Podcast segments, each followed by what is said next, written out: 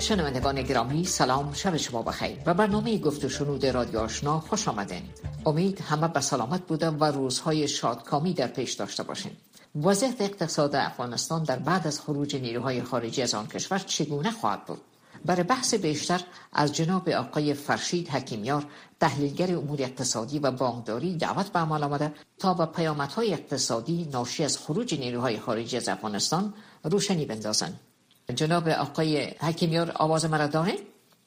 بله شام شما بخیر. نه تشکر. سپاس از حضور شما در برنامه. زنده باشین آقای حکیمیار از نظر شما در بعد از 20 سال تلاش ها و سرمایه گذاری های بین المللی در افغانستان امروز سیستم اقتصادی کشور چگونه تعریف میشن؟ ببین در کل افغانستان در 20 سال گذشته بسیار گام های خوبی را برداشته هم در بود اقتصادی و هم در بود مالی. به این معنا که آید بزرگ سالانه افغانستان رو برشت است. و افغانستان تانسته در اندازه در بالابرد سطح دانش شهروندهای خود و در این زمان اقتصاد و تجارت کارهای صورت بگیرد. سوالی است که تمام این کارها به خاطر نیازمندی های کلان افغانستان کافی هستند است؟ نه.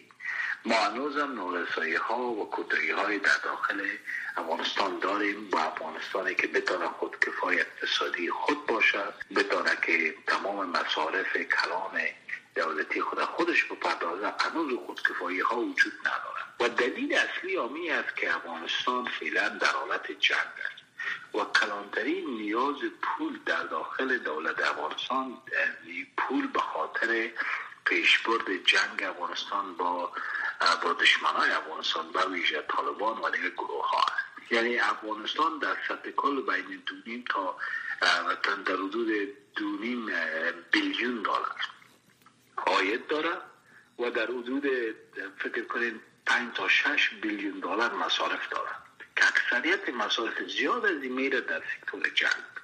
یعنی افغانستان در حالت جنگ همیشه نیاز به پول بیشتر داره به خاطر پیشبرد امور جنگی خود.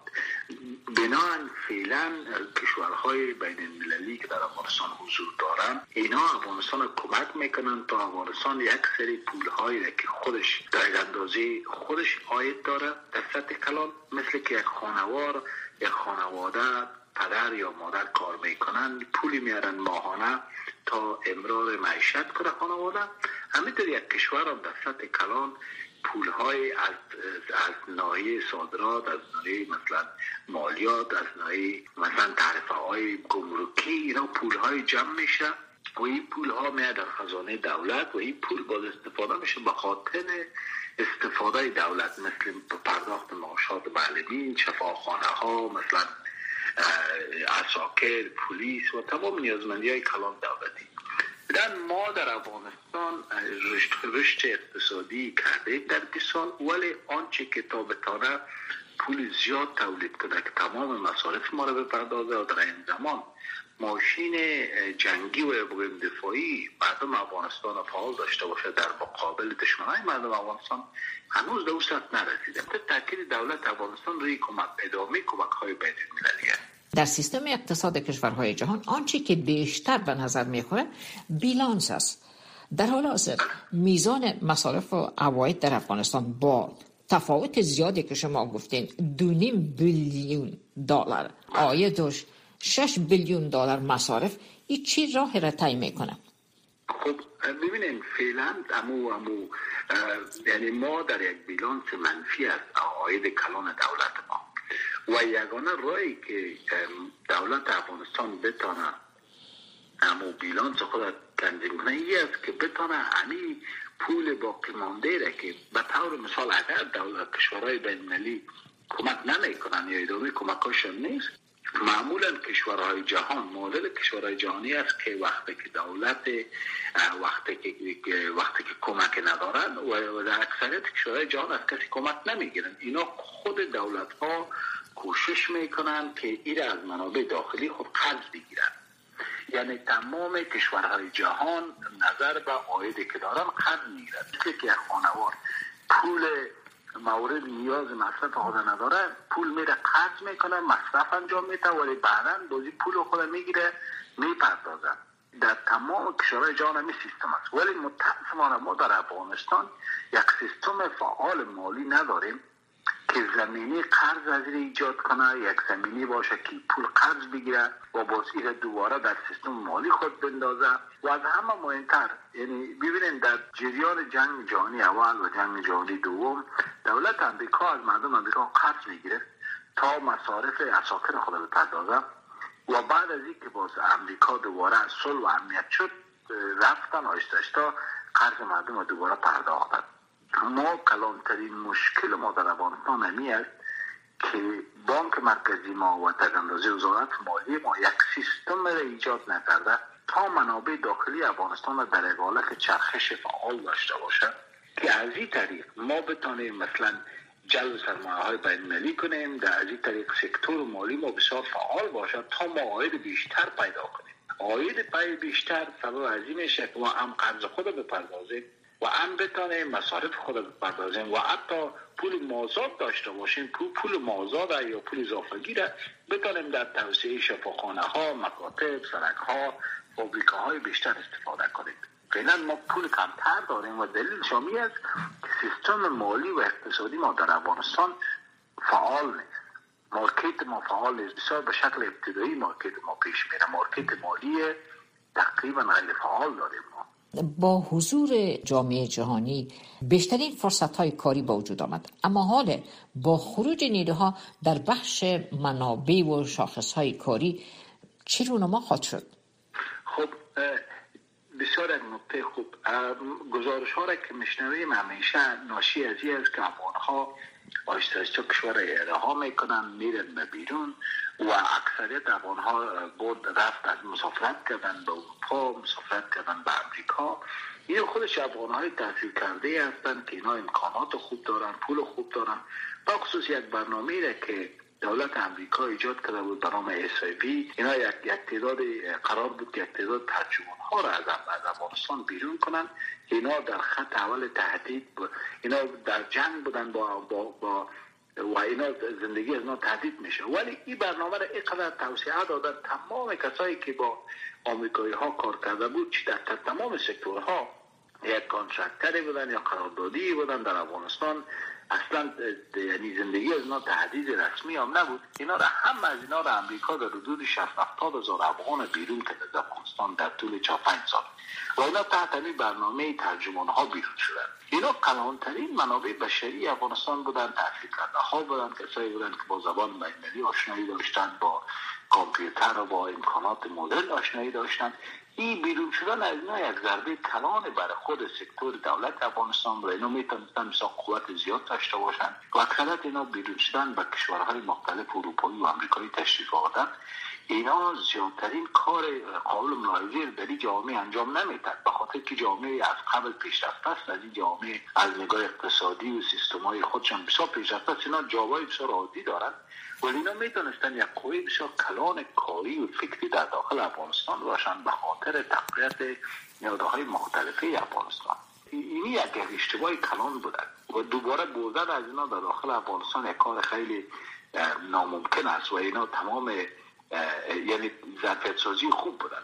خود مهاجرت های فیلی در فعلا که از افغانستان محدود میشه ضربه از در ارتباط به پیکره افغانستان و منابع بشری مهمترین فاکتور تولید اقتصادی می‌تونه در یک کشور باشد.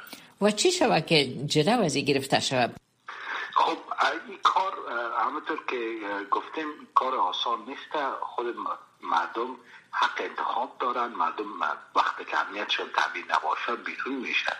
و این حق هر انسان است.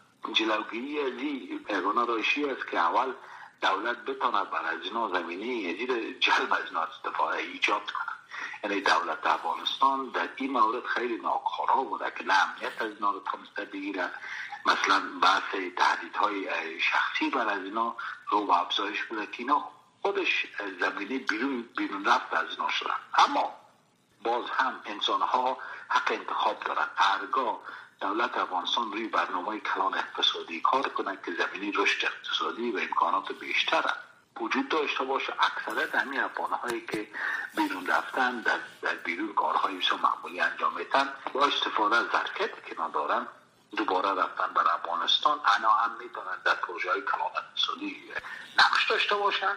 و هم می‌تونن یک مقدار امکانات سرمایه را که ندن دوباره ببرن در افغانستان ولی زمین از خواهد از باید دولت افغانستان باشه که همان در تامین کنه و در این زمان اینا رو تشویق کنه تا اینا دوباره بیاین و بتونن نقش بسیار جدی بازی کنن در خود سیستم افغانستان.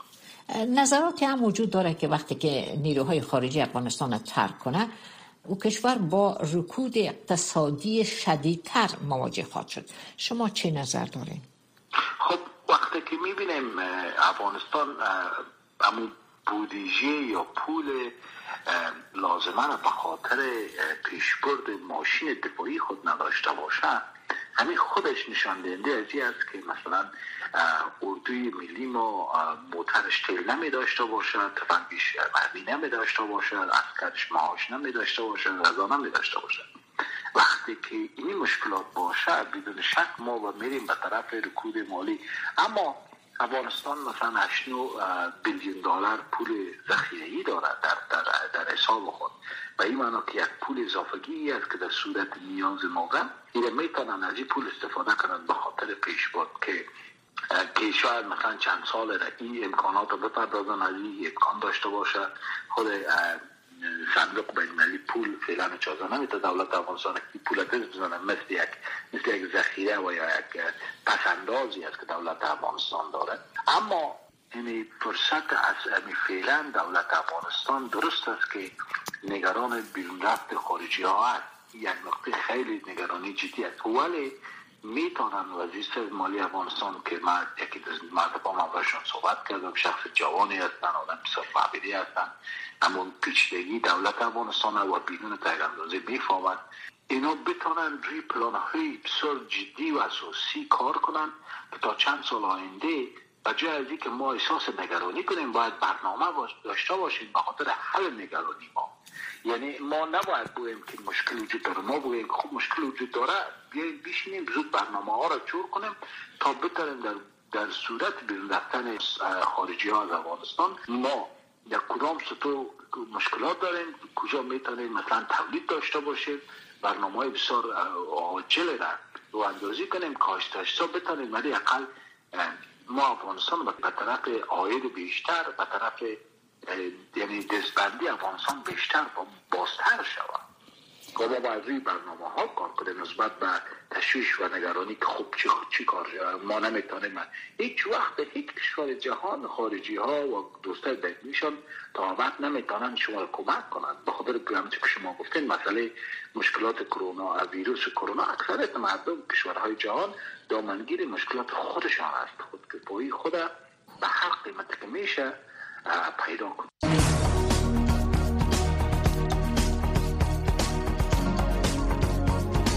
قلم فرسایان برنامه ادبی و فرهنگی رادیو آشنا صدای امریکا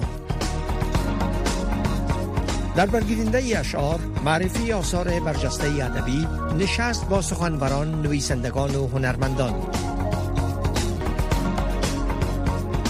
قلم فرسایان با تهیه تنظیم و گویندگی لیل ما حبیب عظیمی شنبه ها ساعت 8 و سی شام با وقت افغانستان. آقای حکیمیار مشاور شورای امنیت ملی افغانستان گفته که با بیرون شدن نیروهای خارجی از کشور بار دیگه افغانستان به جنگای داخلی برخواد گشت. آیا اشاره آقای محب جنگای اقتصادی سیاسی است اینا به مسائلی که افغانستان به دنبال خود کفایی بگردن اشاره نداشتن. بله خب نکته اصلی همی است که فعلا افغانستان با یک گروه به نام طالبا جنگ می‌کنه که طالبا مستقیما تحت قمانده و رهبری ارتش پاکستان یعنی ارتش پاکستان به خاطر تحت قرار دادن نقش هند و اصلا امریکا و این آن جنگ های خود در افغانستان انجام میدن. و, و از شکل مستقیم این گروه حمایت میشه. و در این زمان طالبا روابط بسیار نزدیک با القاعده با آیسیس با گروه های توریستی کلان بین المللی دارن که از اون ناحیه حمایت مالی و اقتصادی میشه. یعنی جنگ مردم افغانستان مشکلات داخلی از افغانستان نیست بلکه افغانستان در خط اول مبارزه در مقابل تروریسم و دهشت افغانی بین المللی قرار دارد و دوست های افغانستان هم که در افغانستان تشریف دارن به خاطر از این نیست که اینا عاشق چشم ابروی مردم افغانستان هستند اینا با مردم افغانستان دوستی کردن و آمدن تا بتانن مشکل کلان بین المللی را حل کنند مشکلی که دامنگیر آمریکا شد دامنگیر اروپا شد. شما یادتان است در 11 سپتامبر از اینجا گروه القاعده تیاره های را در, در نیویورک و در واشنگتن و در پنسیلوانیا روان کردن. امنیت جهانی رو به تهدید کشاندن. اقتصاد جهان واقعا به تهدید کلان قرار دادن. ببینید افغانستان در خط اول جنگ است. و این تمام باید دولت افغانستان یادآور شود که جنگ افغانستان جنگ خود افغانستان است. ولی آنچه که به نظر من آقای محب اشاره کرده ما با این حرف موافق نیستم. ما در جنگ داخلی نیستیم به تعریف جنگ داخلی تعریف ای است که دو گروه بین خود در داخل یک کشور جنگ می‌کنن. هیچ کدام رابطه به بیرون ندارن. افغانستان جنگ داخلی نمیشه. افغانستان باز هم یک جبه جنگ کلان بین المللی میشه که مردم افغانستان در خط اول از با در مبارزه با یک مشکل کلان که القاعده است و آیسیس است و گروه های مختلف دیگه که در داخل خاک پاکستان فعالیت دارند دوباره روی افغانستان فشار میرن و دولت افغانستان. که ما در قربانی خط اول جنگ کلان تروریسم هستیم نه جنگ داخلی. در پالوی گفتار شما باز هم حکومت افغانستان میگه که افغانستان برای مبارزه با طالبان شورشگری مواد مخدر به حضور فیزیکی سربازهای امریکایی نه بلکه به حمایت مالی کشور نیاز دارد. با بحران اقتصادی که پیشتر شما به ویروس کرونا اشاره کردین آیا این تقاضا برآورده شده می‌تونه؟ آیا دولت افغانستان می‌تونه که با منابع خودش امنیت خود بگیره؟ خب همینطور که اونام دولت افغانستان هم یادآور شده افغانستان نیاز به پول داره تا بتاره ارتش خود قدرتمند بسازه و ارتش خود مجهز بسازه تا اینا بتانن در مقابل طالبان استادگی کنن. ولی در پولی همه پای خوب بخوای نخوای دولت افغانستان می‌خوای نشان بده که من می‌تونم مدیریت جنگ خودم بگیرم من می‌خوایم خودکفایی داشته باشم در مقابل جنگ با طالبان. که این یک نقطه از که همیشه دولت ها نشان میدن که چی قدرتی دارن و چقدر توانایی دارن. همین که یاد کردن توانایی ما در نه در ارتباط به جنگ است بلکه جنگ دو, دو, ابزار خیلی مهمه که جنگ موفق می‌سازه یک مسئله امکانات مالی است و دو امکانات لوجستیکی است.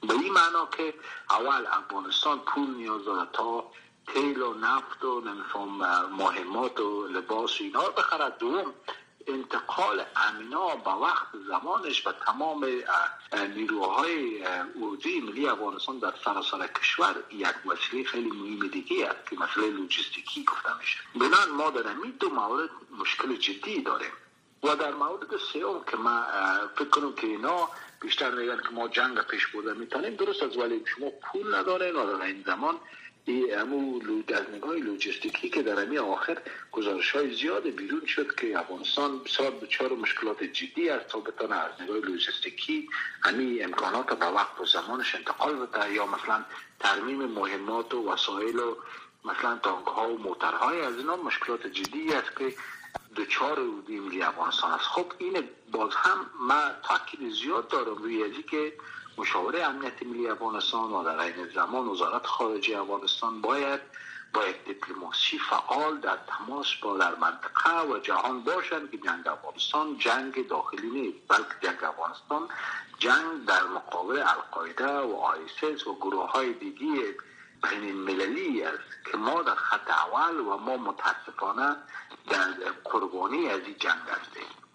باید در این پیام ها واضح باشه و واقعیت ها طالبان هیچ وقت روابط خود با القاعده تمام نکردن. طالبان امروز تمام اساساتشان در داخل پاکستان است و اینا یک گروپی هستند که هر لحظه به خاطر تهدید بین در افغانستان رو به هستند. یک نگرانی شخصی است و نگرانی اکثر کسایی که در ارتباط با مسائل افغانستان کار می‌کنن وجود داره و باید این دولت افغانستان تا که میتانه بزرگتر و قویتر بسازه و نشان بده به جهان که ما با یک جنگ کلان و یک مشکل کلان منطقه‌ای طرف هستیم و یک مشکل جهانی. در حال حاضر حکیم یاسب بیش از ده هزار نیروی خارجی در افغانستان حضور داره. بعضی از قانونگذاران امریکایی میگن که خروج این نیروها در این مقطع منطقی نیست. و امریکا در جستجوی توافق با طالبا برای نگهداری نیروهای مبارزه با تروریسم برای مقابله با گروه داعش است. این موضوع علاوه بر امنیت چقدر بر وضعیت اقتصاد کشور اثرگذار است؟ خب همینطور که قانونگذار امریکا هم تاکید می‌کنن ارتش امریکا هم تاکید داره نهاد استخباراتی امریکا بارها گزارش های دادن که روز طالبا روابط خود با القاعده قطع نکردن ای درست.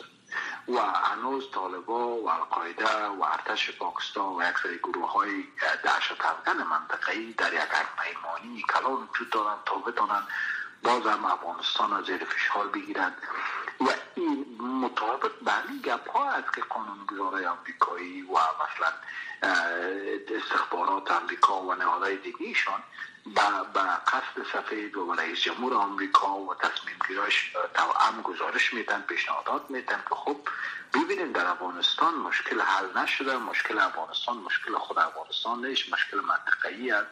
پاکستان یک, یک, مشکل بسیار کلان است. گروه هایی که در, داخل از کشور وجود دارد بیان دلیلی که اینا تاکید دارن که نیروها بیرون نشن به خاطر که مشکل هنوز وجود دارد یک دوم حضور نیروهای بین المللی در افغانستان نشان دهنده است که خب ادامه کمک ها به ارتش ملی افغانستان ادامه خواهد داشت و در این زمان ما همکاری نزدیکتر در دولت های خارجی و دوست با دولت افغانستان می داشته باشد. بنابراین این صورت حضور نیروها نیروهای درزان به نظر ما خوب است. ببینید در سر سر جهان از ژاپن شروع کنیم تا جرمنی تا کشورهای مثل قطر و عمان تا آفریقا نیروهای امریکایی وجود دارد.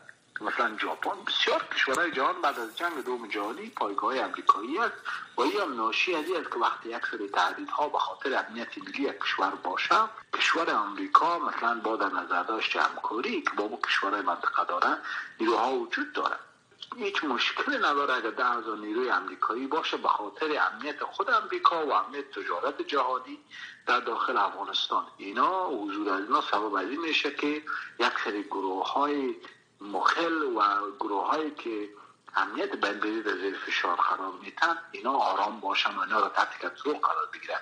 مثلا در جرمنی امروز کلانترین پایگاه امریکا وجود دارد در ژاپن کلانترین پایگاه امریکا وجود دارد مثلا در کوریای پایگاه امریکا وجود داره یا در قطر یا در اکثر عمان کشورهای بسیار زیاد دیگه. اینها می‌فهمند که حضور امریکا هم در ارتباط با رشد اقتصادی از اینا نقش مهم داره و هم در ارتباط به امنیت از اینا. و امروز امنیت افغانستان چون یک کشور خردی است در مقابل کشورهای منطقه و اینا از نگاه نظامی و از نگاه تسلیحاتی همه اینا کشورهای کلانی هستن و اینا همیشه افغانستان تحت فشار قرار دادن.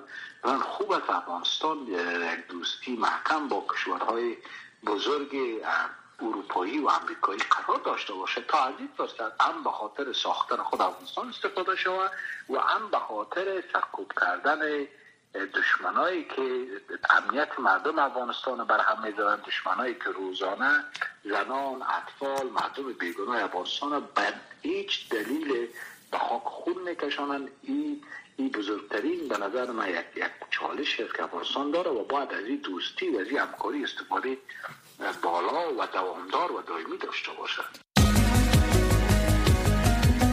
چی رقم از گسترش کرونا ویروس که یک بیماری بسیار جدی است جلوگیری کنیم. بسیار سوال مهم. ششتن مرتب دستا با صابون برای 20 ثانیه و یا همراه مایات کلکل داشته باشه. و بینی دان و چشما باید هیچ دست زدن نشه. وقتی شما میگین که ششتن مرتب دستا منظورتون چیست؟ دستا باید همیشه بعد از سلفا و یا عدسه زدن. پس از تماس و یا پراساری از کسی که مریض است پیش از جور کردن و یا خوردن غذا بعد از تشناب رفتن و بعد از دست زدن به حیوانات یا انتقال زباله ها و کثافات باید شسته شود خب به ترتیب رقمی که شما گفتین دست یک وسیله انتقال ویروس است. ما هر روز در خانه و بیرون خانه با مردم دست میتیم. موضوع مهم را شما یاد کردین. از دست دادن دست بوسی و بغل کشی با را پریز بکنین. و از کسانی که سلفا و یا عدسه می‌زنن کم از کم یک متر فاصله بگیرین تا ویروس با هوای تنفس اونا به بدن خود انتقال نتین. پس در این صورت بهتر است که آدم همیشه ماسک بپوشه. راستی یک کپ بسیار مهمه دیگه. باید در جاهای آمد تف نکنیم و وقت سلفا و عدسه زدن دهان و بینی خود با دستمال یا آستین پد کنیم. مسئله مهم دیگه است که در صورت داشتن تاو، سلفا و مشکل تنفسی فورا پیش دکتر بریم. بار اتاق تجارت صنایع افغانستان گفته بود که 45 درصد بودجه عادی افغانستان توسط کمک های خارجی تمویل میشه و 100 درصد بودجه انکشافی هم از سوی کمک کننده ها پرداخت میشه. در صورت قطع کمک ها افغانستان با بحران اقتصادی مواجه خواهد شد. برای جلوگیری از بحران اقتصادی به نظر شما چه راه های فعلا در دسترس است؟ خب وقتی ما وقتی که ما امکانات مالی کافی نداشته باشیم بدون شک قطع کمک ها برای افغانستان بسیار مشکل ساز است. مثلا در زمان که دکتر نجیب الله رئیس جمهور افغانستان بود وقتی که روس ها بیرون شدن تا که دو سال حکومتش ادامه کرد یک سری پوله ها و امکاناتی که داشت بازم پیش از ولی بعد حکومت دکتر نجیب سقوط کرد. هم به خاطر مسائل مالی و هم به خاطر ایجاد یک سری اختلافات در داخل صفوف حکومت دکتر نجیب. عین تقریبا یک سناریو بازم ادامه داره اینجا و در روز زمان هم مشکل افغانستان مشکل داخلی افغانستان نبود. دست بسیار کمک های بالای بین المللی در ارتباط به از بین بودن حکومتش وجود داشت. این سناریو تقریبا جریان داره به یک شکل ما بارها از طریق مقاله ها و یک سری پیام های خود در کل روی از این اشاره کردیم که افغانستان نیاز داره تا market فعال مالی خود تنظیم کنه و بتونه امکانات مالی خود نه با کمک از دیگرها بلکه با از market خود استفاده کنه ببینید آمریکا امروز دولت امریکا به خاطر حل مشکل کرونا یک اشاره نو تریلیون دلار پول گرفتن و از, از account های مختلف خود قرض کردن به مردم خود دادن تا بتونن market خود فعال نگاه کنن. آیا ما از آیا از افغانستان شنیدیم که اینا در ارتباط به ایجاد مارکت فعال چی کار کردن؟ اصلا نمیشنوین که دولت افغانستان در فکر و تلاش آجی باشه تا مارکت خود و بازارهای مالی خود فعال داشته باشه. رئیس بانک ملی افغانستان از طریق از توسط شورای ملی رد شد ولی هنوز هم رئیس بانک مثلا اکثریت وزرای کلیدی افغانستان از طریق شورا رد شدن. اینا هنوز هم هستن. برنامه مشخص ندارن. هیچ وقت شما از مطبوعات نمیشنوین که اینا روی یک برنامه در مدت کار کنن. اینا مشکلات فوق العاده جدی است. افغانستان باید ماشین مالی خود فعال بسازن ماشین جنگیش فعال باید در فکر خودکفایی باشه. درست است که ما با کمک های بین ضرورت داریم ولی ما دچار مشکل خیلی جدی می‌تونیم باشیم. نارسایی های جدی در خود مارکت مالی خود داریم در این متاسفانه کلانترین ضعف ما هست. جناب آقای فرشید حکیمیار چون وقت برنامه به پایان رسیده به صحبت های خود در اینجا بسنده میشم بازم تشکر از وقت شما و از صحبت شما. خواهش می‌کنم شام شما بخیر. تشکر. شنوندگان گرامی ای بود داشته های برنامه امشب گفت و رادیو آشنا. سپاس از اینکه تا این لحظه ما را همراه بودیم شب شما بخیر. خداوند یار و یاورتان.